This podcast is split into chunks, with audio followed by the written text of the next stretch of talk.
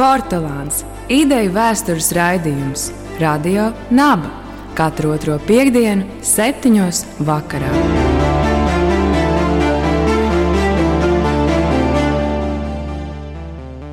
Labvakar!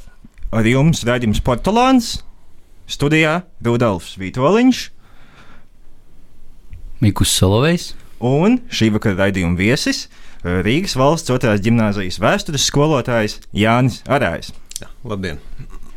Par skolotāju profesiju eh, šodien diskutē daudz eh, par ikdienu, par atalgojumu, arī par profesijas seju kopumā. Un bieži vien tie ir tādi pavirši vispārinājumi, jo tie, kur katru dienu stāv klases priekšā, zina, eh, ka katram jau ir sava motivācija, aicinājums un arī sajūta, kas īsti ir skolotāja darbs, ikdiena un vai tas tiek novērtēts.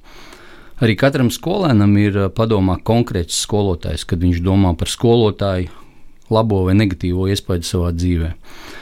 Un kad uh, Latvijas Universitātes vēstures un filozofijas fakultātē ieminējos, ka uz interviju aicināsim otrās gimnāzijas vēstures skolotāju Jānu Arāju, uh, tad kāda studenta piebilda, ka viņas izvēle studēt vēsturi iedvesmojāt tieši jūs, Jāni, īsi un kodolīgi. Un izrādījās sarunā tālāk, ka vēl kādi vēstures un filozofijas fakultātes studenti arī ir izdarījuši līdzīgas izvēles. Un tādēļ arī īsti nu, nebija jāmeklē iemesls sarunai ar jums. Tādēļ loģiski pirmais jautājums, kas ir tie pavisam ikdienišķie iemesli, kas katru dienu liek vērt vaļā skolas durvis un stāvēt klases priekšā? Nu, kā, nu, tas ir no vienas puses ļoti plašs, un, un no otras puses to var atbildēt ārkārtīgi īsi un vienkārši. Uh, tas ir gandarījums, morālais gandarījums. Un droši vien, tas, tas, tas arī ir tas galvenais, ko gūst. Jo tas ir vienkārši forši. Ir forši, ka tu strādā ar jauniešiem. Tas ir milzīgs gandarījums redzēt, kā viņi nu, es strādāju ar vidusskolas klasēm, tikai kā viņi atnāk vēl tādi maziņi un bailīgi un, un saraušies, un pēc tam redzēt tik dienas, kā viņi aug. Un es gribu teikt, ka faktiski tādā veidā tu pats jūties jaunāks. Nu, tu esi ar jauniešiem, tu, tu, tu, tu redzi, kādi viņi ir, tu neatraujies no viņu tās ikdienas dzīves. Un, um, nu, tie jaunieši jau tā kļūst par tādu kā otru ģimeni. Nu, tīpaši, ja ir tā sava klase audzināmā, nu, tā, tā burtiski kļūst par, par, par saviem cilvēkiem. Nereti jau sanāk tā, ka tos, tos skolas jauniešus redz biežāk nekā savus meitas. nu, Droši vien, ka tā. Nu, un pēc tam, protams, ir, ir, ir, ir prieks redzēt, prieks sekot līdzi vismaz daļai, kas ir pabeiguši skolu, kas, kas, kā viņiem iet, ko viņi dara, kā viņiem veicas pēc skolas. Citreiz ir ļoti patīkami, ka atnāk kāds ciemos ja, un, un, un, un, un atcerās. Vai uz kādām kāzām uzaicinājumiem, tam līdzīgi. Nu, tas ir forši. Tas dzīvi padara skaistāku. Mm. Vienkārši, nu, manuprāt, tas gala rezultāts varētu būt tā, nu, man, man personīgi šķiet, ka tāda cilvēka dzīves jēga ir nevis nopirkt foršu mašīnu, nevis uzbūvēt smuku māju vai, vai aizbraukt uz Tenerife reizi mēnesī vai kaut ko tamlīdzīgu, bet cilvēkam ir kaut kas labs jāizdara dzīvē.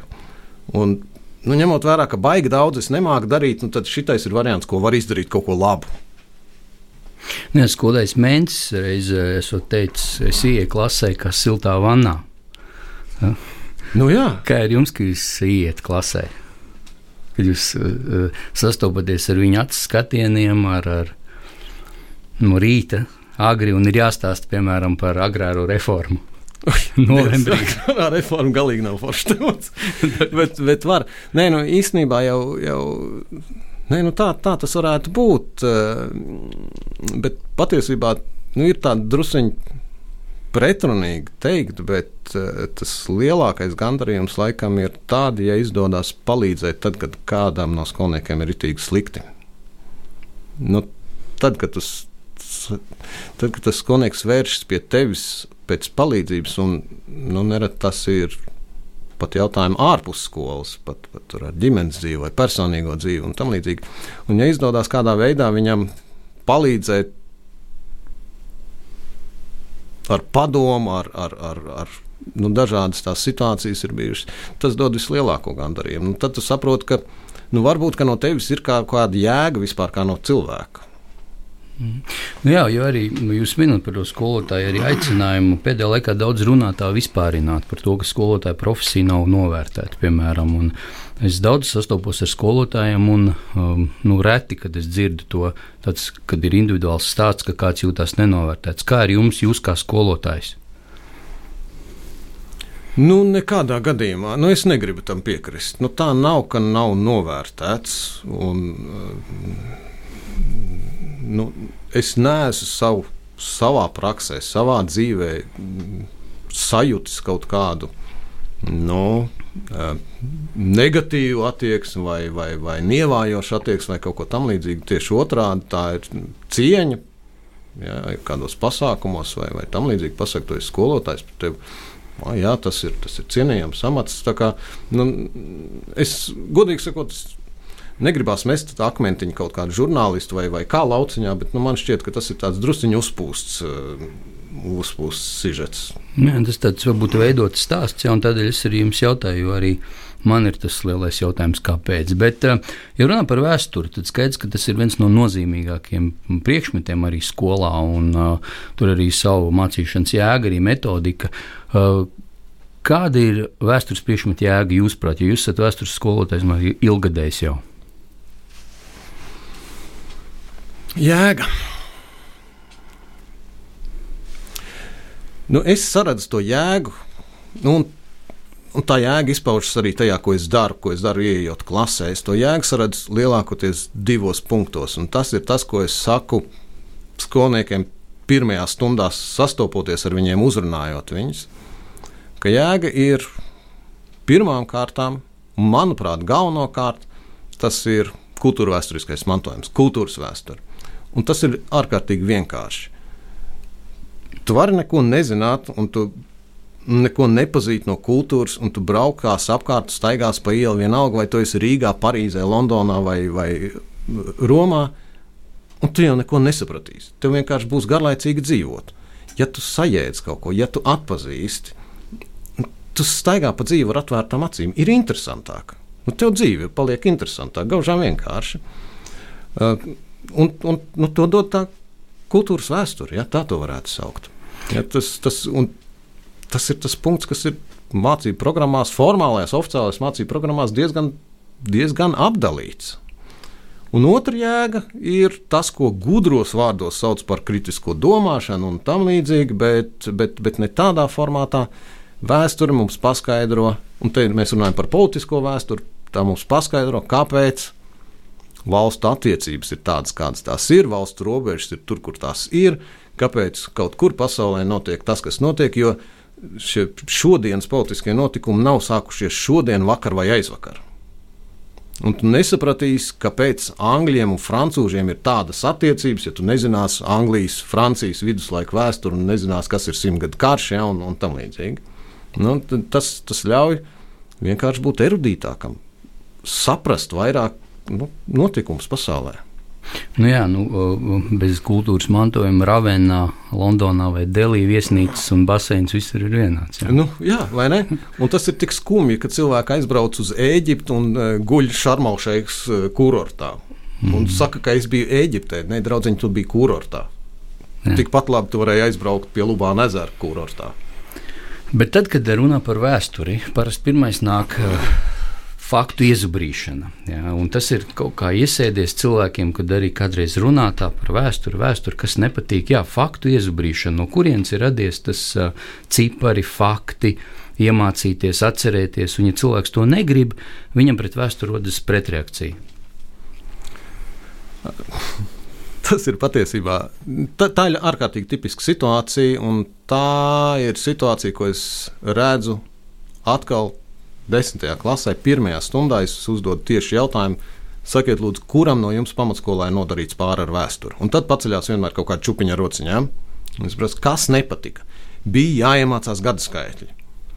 Un es prasu, bet priekš kam tos gada skaitļus tev bija jāmācās? Nu, ko tas mainīja? Nu, kāda ir jēga?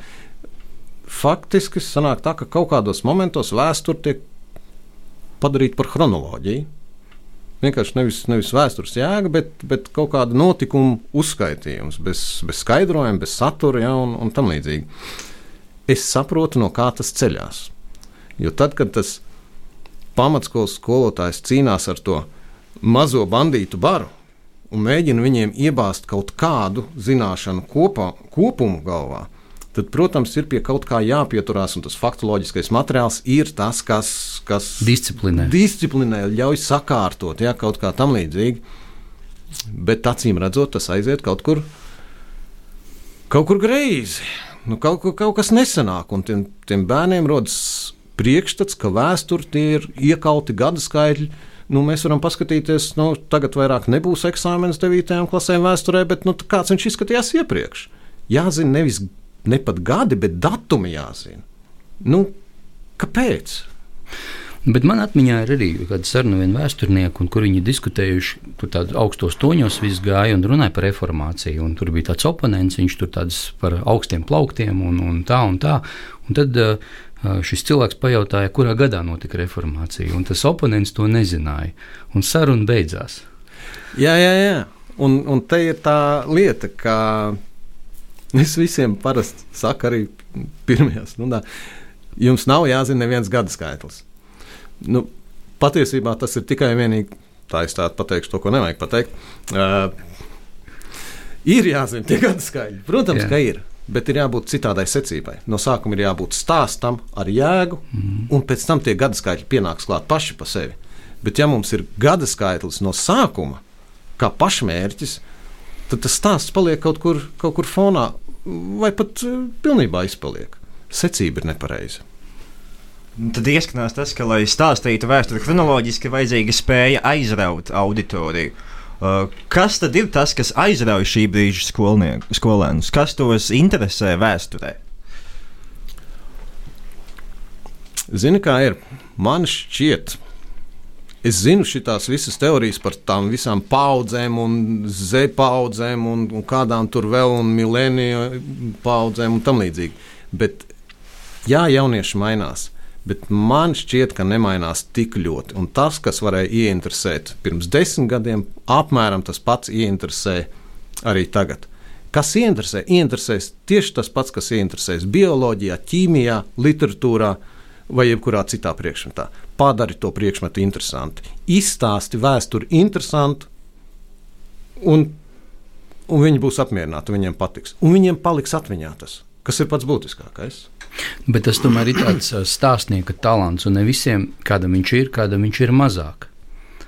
Eh, kā izstāstīt to stāstu. Jā, jautājums, kas tad ir tās lietas? Jo, piemēram, tad, kad runājam par viduslaikiem, protams, ka gada skaidrs, skaidrs viņi paliek kaut kur tālu, tad uh, monarhija un tā. Bet tad, kad runājam par sociālo vēsturi, nu, piemēram, kā smaržoja viduslaiki, kā skanēja viduslaiki, uh, kā cilvēks no rīta, ko viņš darīja, ko viņš vakarā darīja, vispār kad viņš gāja uz baznīcu. Tas sociālais aspekts, vai jūs savā darbā esat pamanījis, ka tas atdzīvina to vēstures stāstu? Nu, bet neapšaubām. Un tas jau ir tas, kas tos, tos jauniešus visvairāk uzrunā. Nu, tā formālā puse, tā teiksim, oficiālā vēsture, ja, tā politika un vispārējais, tas ir, bet tam ir jābūt. Tam ir jābūt tam karkasam, kas satur visu kopā, bet atdzīvina, padara interesanti tieši šīs niansītas, mazās, mazais cilvēciņš, ja, tieši tā, tā, tā smarža, kas tur ir. Vēstur, mazā cilvēka, kaut kāda maza niansīta, kaut kāds amizants atgadījums, nu, kas, kas parāda, ka tie nav kaut kādi vienkārši sastinguši fakti, kas ir ierakstīti grāmatā, bet tas ir, ir dzīva vēsture. Mm, tur, jā. tur viss jā. notiek. Bet par to stāt, stāstnieku talantu es tagad vienkārši man galvā ienāca prātā ļoti elementāra lieta. Mēs laikam kaut kā esam iedomājušies, ka skolotājs var būt jebkurš. Bet jebkurā amatā taču ir jābūt talantam. Ja tu esi amatnieks un darbojies ar nezinu, koku apstrādi, tev taču arī ir jābūt ne tikai iemācītām prasmēm, bet arī talantam. Nu, tu vari taisīt durvis parastās, bet, ja tu gribi būt meistars, nu, nu, tu vari, vari gribēt vai negribēt, bet, ja tev nav talanta, tad nekas nesanāks. Ja tev nav skolotāja talants, ja tev nav stāstnieka talants, varbūt ir jāmēģina kaut kas cits. Nu jā, tam var piekrist par stāstnieku. Un otrs, šobrīd daudz runā par kompetencēm. Un, uh, es arī cenšos saprast, uh, kādi ir iemesli. Tur ir vairāk, bet viens no tiem noteikti ir, ka ir uh, informācijas pārblīvētība milzīga. Ja, ja mēs paskatāmies uz pusauģu, apzināk ļoti daudz informācijas, un arī uz mūsu, un ir tik daudz teksti, tik daudz skaņu apkārt. Un tad jautājums ir, kas ir skolotājs? Un šķiet, ka viens no Uh, varētu būt, ka viņš uh, nodala būtisko no mazsvarīgā. Un tad man ir jautājums uh, par, jūs šobrīd mācāt vēsturi, vai nav sajūta, ka tomēr ir ļoti daudz informācijas, kas nāk pār viņu galvām, un tad viņi neredz to būtisko tajā visā. Kas būtu tas būtiskais? Nu, piemēram, Livonijas. Kas būtu četras lietas, kas būtu jāzina par Livoniju? Nu, redz, Pirmkārt, man šķiet, ka nevis informācijas daudzums, bet mainās uztveres forma. Mm. Uh, tas ir kopumā 21. gadsimta cilvēkam. Mēs esam iemācījušies skatīties, nu, tā kā tas ir vienalga Delfos TVN, tā ziņas, kur ir īsais virsrakstīns, kas pasaka visu, un izceltie, izceltās atslēgas frāzes. Mums jau ir slinkums lasīt visu tekstu. Mums vajag, lai iedod īso divu, trīs teikumu, to galveno domu. Mēs paši nemākam izlasīt galveno domu. Paskatāmies, atveram žurnālus. Nu, pat drukāto presi. Mm. Tur arī katrā rakstā ir izvilkta galvenā doma, pasniegta uz šķīvīša. Nu, mēs paliekam slinki, vai mūs padara slinkus. Bet atkal no otras puses, tas, um, nu, ka mēs iemācāmies formulēt precīzi, jo arī tik daudz nenoformulēt lietu, Un tad ir lietas, ko noformulējam precīzi. Nu, tad arī es kādreiz jautāju, jā, kad mēs beidzam pie Livonijas, un tad es jums arī jautāju, nu, kas ir tās četras lietas, piemēram, kas jums, jums jānāk prātā, nu, kas būtu jāzina? Vai vispār ir tāds uh, panteons, kanons ar informāciju, kas būtu jāzina?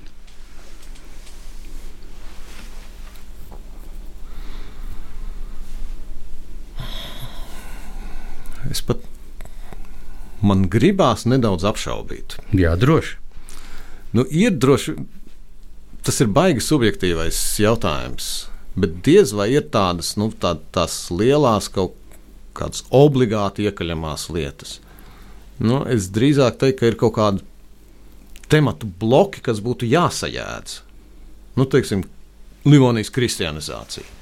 Kas tas ir, ko tas nozīmē, kā, ko tas nesa. Jo, nu, tas tomēr ir tas, kas mūs padarīja par rietumu civilizācijas sastāvdaļu. Mm -hmm. ja, tā bija tāds eksistenciāls jautājums, kur mēs būsim.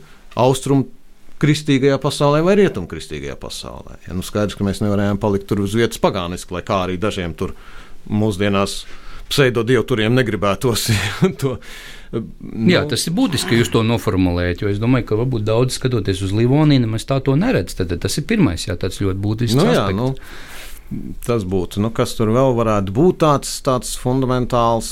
Nu, es domāju, ka viduslaika Rīgas jautājums Livonijas kontekstā ir. ir Būtisks saprast, ka mēs patiesībā mēs dzīvojam viduslaika lielpilsētā, nu, reģionālā, bet lielpilsētā.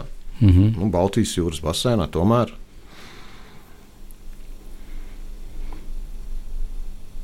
Un tad, kad domājam par personībām, jūs esat dzirdējis, ka domājot par Livoniju, ka nedaudz pazūdais tā stāsta, tā bezgalīgā cīņa starp ordeni un, un Rīgas domkapitulu. Jā, tas arī tas politiskais aspekts, un daudz kas cits, tā sociālā vēsture pazūd. Un tad ir īsti personības, nu, Mēnards jā, un Alberts, un tad, nu, tad mēs uzreiz Andrijas Knopkins un jau nu, 16 gadsimts. Un, un Pletenbergs. Jā, jā, jā, un Pletenbergs, jā, jo nav šī personības šārma arī šim laikmetam. Un, un, es esmu arī pamanījis, un es esmu arī runājis ar skolniekiem, prasījis, jo parasti ir tā, ka tad, kad mēs runājam par pasaules vēsturi, viss ir forši, visiem ir viss patīk un interesē. Un es saku, un tagad iesim pie Livonijas, pie, iesim pie Latvijas vēstures. Nu, jā, nē, nu, kāpēc? Nu, jā, precīzi es jums arī jautāju. Jā, nu, jā, jā. nevajag.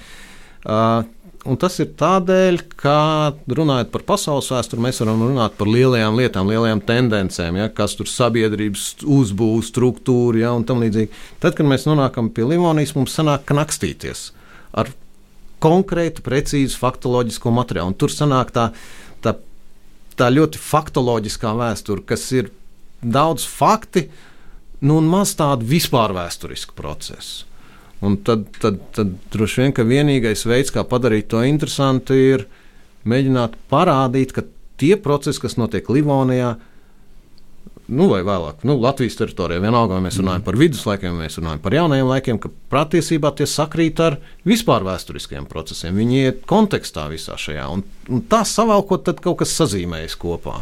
Jā, bet teiksim, te jums tiešām arī sajūta, ka Livonijas vēsture ir tur tas nervs vēl ir jāuztausta. Mums. Jā, pilnīgi Jā. noteikti. Un es domāju, ka mums jau ir vēstures zinātnē, nu, tas jau nav nekāds noslēpums, ka mums ir tā, tā milzīgā problēma nu, ar to pārāvu 50 gadu vēstures zinātnē, un tagad mēs taustamies un mēģinām atrast kaut ko.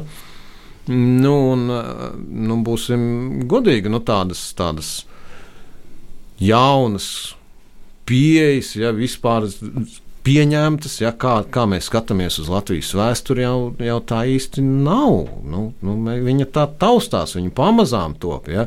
Man eh, ļoti patika šie te mm, konferences, kas bija mm, uz, uz simtgadu valsts pirms valsts ar, ar, ar cik tur sējamos, četros vai piecos, ja šo izdoto eh, Nacionālās bibliotekas eh, rakstu konferenču materiālu krājumiem. Ja Nu, man liekas, ka tas ir viens no tādiem labākajiem devumiem š, pēdējo gadu ja, vēstures literatūrā, kas ir patiešām tāds svaigi materiāli, forši materiāli un nu, kas parāda tādu nu, jaunu pieeju. Tam. Es domāju, šobrīd ir laiks muzikālai pauzei.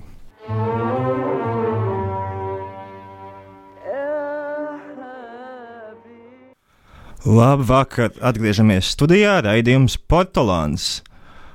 Taču pirms mēs atgriežamies pie mūsu sarunas ar Jāni Arāju, neliela piezīme. Iespējams, ka raidījuma uzmanīgākie klausītāji būs ievērojuši raidījuma sākumā muzikālo tēmu, jeb jinglu. Uh, kompozīcijas autors ir draugs, komponists un Latvijas labākais ģitārists Gatis Ziema. Savukārt, ievelkošā balss uz mūzikas pieder Esmeraldai. Paldies jums! Atgriežamies sarunā!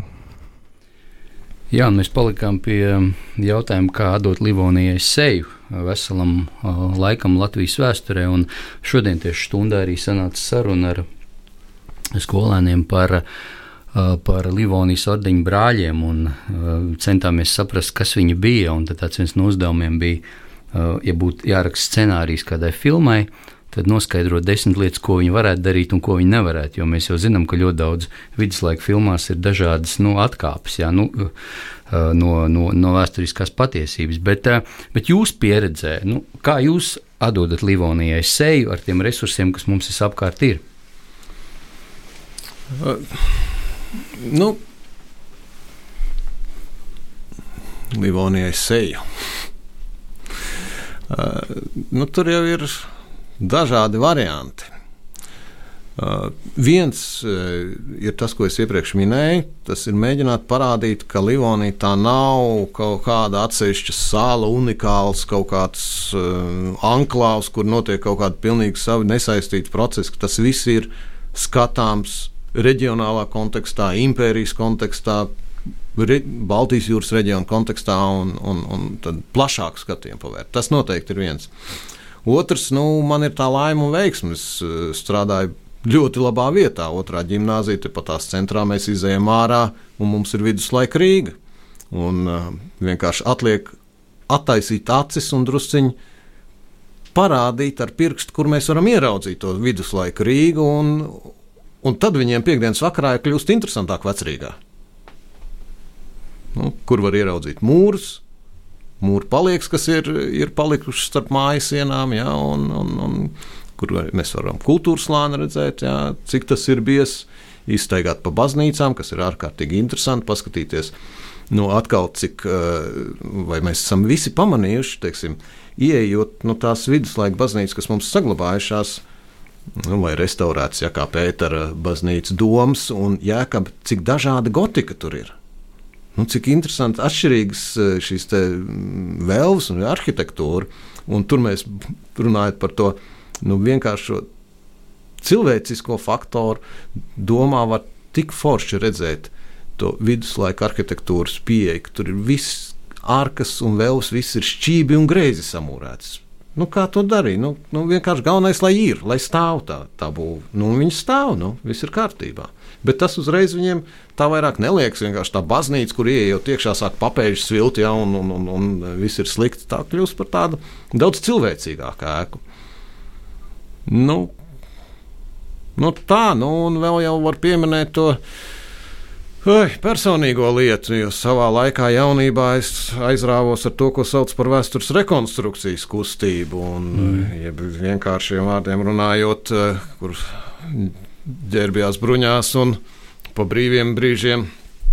Nu, gan tur amats eh, atveido dažādas, gan, gan, gan šīs tā saucamās bruņinieku cīņas un tam līdzīgi. Nu, man mantoja, mantojumā man no tā laika ir palicis mans bruņu komplekts Nu, tas atkal ir veids, kā atdzīvināt. Ja? Nu, tad, kad iestiep iekšā, parāda viņiem, paņem vienu nabagu un apģērb tajās bruņās. Ja? Un, nu, nu, tas viņiem tas ir vienkārši interesanti.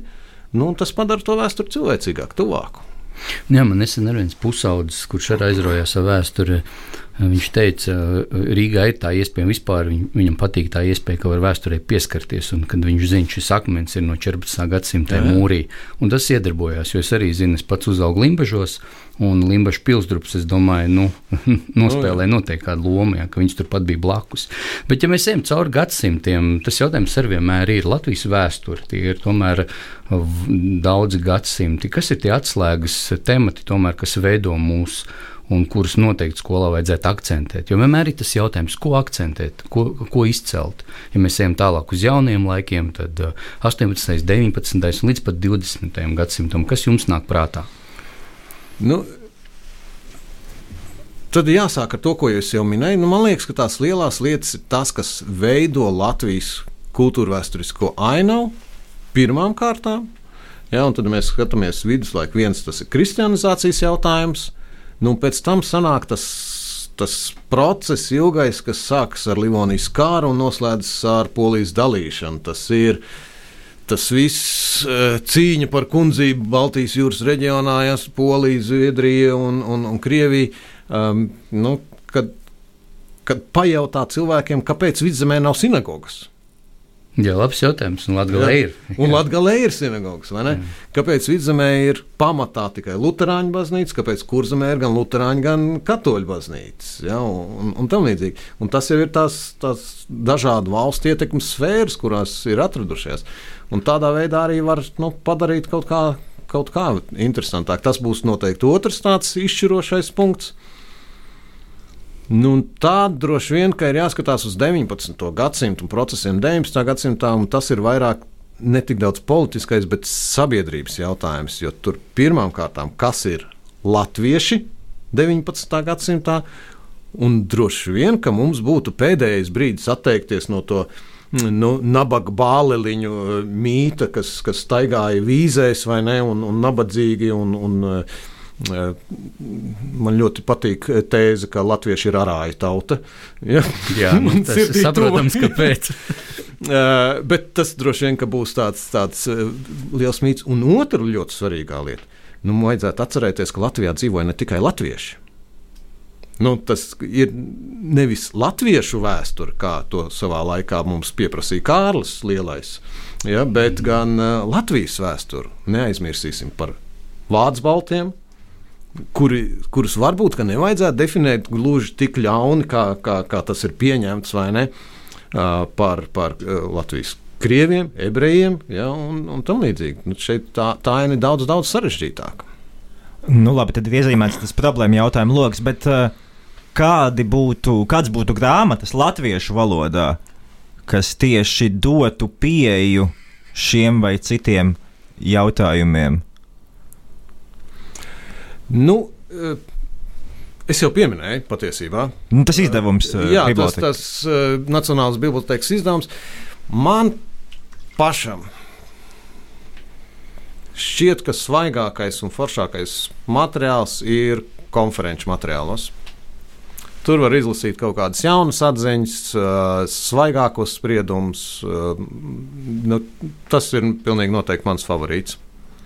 Un starp citu bija um, baigi forši vēl šitās Covid pandēmijas laikā, kad uh, notika uh, konference Zumvidē, ja es pareizi atceros. Ja? Rudolf to organizēja. Uh, LU konferences. Jā, LU konferences, kur es uh, sarunāju ar vadību, ka man, manas audzināmās klases skolnieki tika atbrīvoti no stundām, jo viņi visi piedalījās šajā konferencē, kā klausītāji.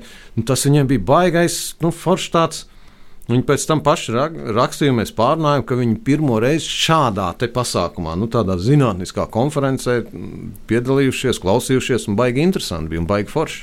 Un kā ir daļa literatūra? O, jā, daļa literatūra. Tas ir forši un vienlaikus sāpīgs temats. Man ļoti. Nu, es sāku ja, interesēties par vēsturi ar daļu literatūru bērnībā. Ja, lasīju Valentīns Pikuls ar spalvu un zobenu. Tas bija mans, mans, mans sākums līdz brīdim, kad es sapratu, ka viņš ir. Nu, kā viņš ir darinājis to savu darbu, ja, bet uh, daļu literatūras nozīme vēstures iepazīšanā noteikti ir milzīga. Un, protams, ka daļa literatūra dod mums tādu baigi stereotipisko skatījumu. Ja? Nu, nu, kāds tam, tam liter, literātam ir? Uh, bet, ja mēs skatāmies uz daļu literatūru, tad es tomēr, tomēr gribētu skatīties uz uh, klasiku. Uz Walteru Skotu, uz Henriku Sinkeviču, Viktoru Igo un tam līdzīgi. Uh, Nu, es neteikšu, ka es esmu ļoti lielā, es negribu nevienu aizvainot, bet es būtu no tāda vēsturnieka viedokļa ļoti lielā sajūsmā par mūsdienu Latvijas eh, literātu, šiem vēsturiskiem romāniem. Mm, nu, man no vēsturiskā viedokļa tomēr šķiet, ka tur ir nedaudz, nedaudz kaut kas nav pareizi. Bet es gribētu Es nesen izlasīju, nesen, pirms gada izlasīju Žila Vērna romānu Parīzes 20. gadsimtā, ko es mm. visiem ļoti silti iesaku, kur ir iedomājieties, Žils Vērns 19. gadsimtā. Viņš raksta tik foršu lietu par 20. gadsimtu Parīzi, 20. gadsimtu 60. gadiem, ka tas ir laiks, kad visi māk lasīt, bet neviens nelasa. Vai mēs neredzam kaut kādas līdzības? Mm. Nu, viņš taču bija pravietis. Ja, un, un kur ir uh, universitātes izlaidumā, ir uh, kaut kādi pie vairāki simti balvas un stipendijas eksaktajām zinātnēm un divas humanitārajām. Mm. Ja. Nu, kaut ko var saskatīt līdzīgi. Jā, tāpēc es saku, lai rakstnieki, nu, tādiem talantīgiem rakstniekiem parasti vajag atcerēties, lai viņi uzmanās, ko viņi raksta, jo tas, ko viņi uzraksta, reizēm piepildās. Jā, jā, jā. Īpaši, īpaši pēdējā laikā. Bet, protams, jūs arī minējāt tos autors. Tur jau arī, nu, arī klasika, bet tomēr ir kāda vēsturiskā neprecizitāte. Bet pēc tam jau aizrauc cilvēks, viņš jau var uzzināt, bet tas āķis lūpā ir. Arī kino, kino ir ļoti būtiski, lai radītu to laikmetu garšu, sajūtu ja, un aizraut. Kas, kas nāk prātā? Varbūt tāds, ko. Nu, bet pilnīgi noteikti, jo, nu, ja mēs tā runājam vēsturnieku aprindās, ja tā nosacītu, varētu teikt, nu, cilvēks parastais jau nelasīs konferences materiālus. Mm -hmm. Cilvēkam parastajam, ikdienas cilvēkam priekšstats par vēsturi rodas no labākajā gadījumā no daļa literatūras, bet nu, būsim reāli, cik daudz cilvēku pa vakariem lasa Walteru Skotu vai ne. Nu, visticamākais tas būs kaut kāda vēsturiskā filma, ja, kas ekranizācija, nu, kas ir viegli skatāms, saprotama ja, un tā. Es arī skolniekiem ik pa brīdim lieku rakstīt recenzijas par vēsturiskām filmām. Tur ir viena problēma. Viņi paņem lielāk, ļoti bieži kaut kādas recenzijas no interneta un, un bija šī piekuraģēta. Tāpēc man vienā brīdī tas sāka nepatikt. Bet uh, fakts paliek e, tāds, kāds tas ir. Jā, ka kino rada stereotipiskos priekšstats. Nu, ko mums kino pasaka? Viduslaika vai ne? Kas notiek viduslaikos? Līst lietus, vai ne? Ir apmācies un tumšs visu mm. laiku. Cilvēki ģērbjās lupatās, stilīgie džeki ģērbjas ādas biksēs. Ne, tie ir viduslaiki. Tas, tas ir tas, ko mēs kino redzam viduslaikos. Nu, jā. Atgriežoties pie sarunas sākuma, um, es domāju, ka skolotājs ir bīstama profesija. Jo um, es pēdējā laikā par to aizdomājos, ka nav tik īpaši veselīgi katru dienu stāvēt klases priekšā un pat pieļaut, ka tu esi gudrākais telpā. Un, ja tas notiek piecas dienas nedēļā un desmit gadus pēc kārtas, tad uh, pastāv tāds kārdinājums iedomāties, ka es esmu gudrs un tāds dikti svarīgs un es stāstu stāstus. Un, uh, varbūt, kad aizvien biežāk skolotājiem sev jāatgādina, ka nevajag iestrēgt šajā lomā, skolotāja lomā. Uh, kas jums palīdz? Kā, varbūt palīdzēja tas, ka man savā laikā, nu, man pašam ļoti, ja, ļoti jauns apprecējos, ļoti agri bērni bija, un, un, un es pieradu dzīvot viņiem līdzi, ja, un pēc tam arī mm, skolā kaut kā nu, mēģinu saprast viņus, iejusties viņu ādā, neaizmirst, ka es biju tāds pats duburs un es biju vēl sliktāks, nu, krietni sliktāks par viņiem. Mm. Patiesībā, skatoties šobrīd, es, nu, es ik pa brīdim, nu, praktiski katru gadu sastopu nu, reāli tādus talantus, nu, kurus redzu, ka tam cilvēkam ir nu, iekšā tāda talanta, tādas spējas, kurām es ja es atceros sevi vidusskolas gados, nu es tuvu nestāvēju tam, tāpēc man neienāk prātā nos, nostādīt sevi tādā kaut kādā pārgudrā formā. Nu, nē, varbūt kaut kur druskuļi pieredzējušāks, bet ar tādu, tādu to, to skolotāju kompleksu nē. Bet par to bīstamību es biju domājis, ka tur runa būs vairāk par. Uh, citu problēmu, ka mūsdienās reizēm sanāk, bet tas ir vairāk ne vēstures jautājums. Tas ir tāds uh, skolas sadzīves jautājums, ka, ka reizēm sanāk, uh, nu, piemēram, mēs runājam par, par aizvēsturi tagad, ja, un es nu, parādīju dažus iniciācijas rituālus no video, ja, un tad tu nevari saprast, nu, kā no nu, kura bērna psihe to uztvers. Un es teicu, nu, ja, ja, ja paliek nelabi, tad lai iet ārā. Ja, bet, Bet eh, nu, tas ir tāds, tā, tā psihe paliek ar vien, ar vien jutīgāka. Jā. Jā, es drīzāk to tādā cilvēcības uh, jautājumā, jo bieži vien arī skolnieki, nu, viņi ierauga skolotājiem arī seju. Ja mēs runājam par Livonijas seju, tad arī skolotājiem ir cilvēcības seja. Pēdējā laikā es pamanīju tādu interesantu lietu, ka man palīdz saprast labāk skolēnus tas, kur es skolā pats biju neveiksmīgs un kur man kaut kas neizdevās. Un tas šobrīd man palīdz viņus labāk saprast. Nevis tās manas veiksmes pagātnē, bet tieši neveiksmes. Tad viņam kaut kā panāca pretī. O jā, tā tas noteikti ir. Jo, nu, jā, es ceru, ka neviens neatcerās, no kur, kurā skolā es mācījos vidusskolā, bet man nav neviena laba vārda, ko pateikt par vidusskolu. Man nav neviena laba atmiņa. Un droši, noteikti, nevis droši vien, bet noteikti tā ir, vien, ir viens no galvenajiem motivatoriem, kāpēc es strādāju un kāpēc es daru to, ko es daru. Es negribu izlikties par kaut kādu šausmīgu eņģelīti ja, vai ko. Bet es negribu, lai maniem audzēkņiem būtu tikpat negatīvs skatījums uz, uz skolas gadiem, kā tas ir man izveidojies. Un tas ir viens no, no tādiem motivatoriem. Jāizdara kaut kas labs dzīvē. Jā, bet tā nav. Jūs atcerāties ar prieku. Latvijas Universitātē, Vēstures filozofijas fakultātē. Vismaz pilnīgi noteikti. Jā, paldies, ka atnācāt, ka atradāt laiku. Ļoti saturīgi, arī iedrošinoši un lai veiksim mums. Jā, liels paldies! Un raidījums Potolāns pie jums atgriežas pēc divām nedēļām. Visu labu!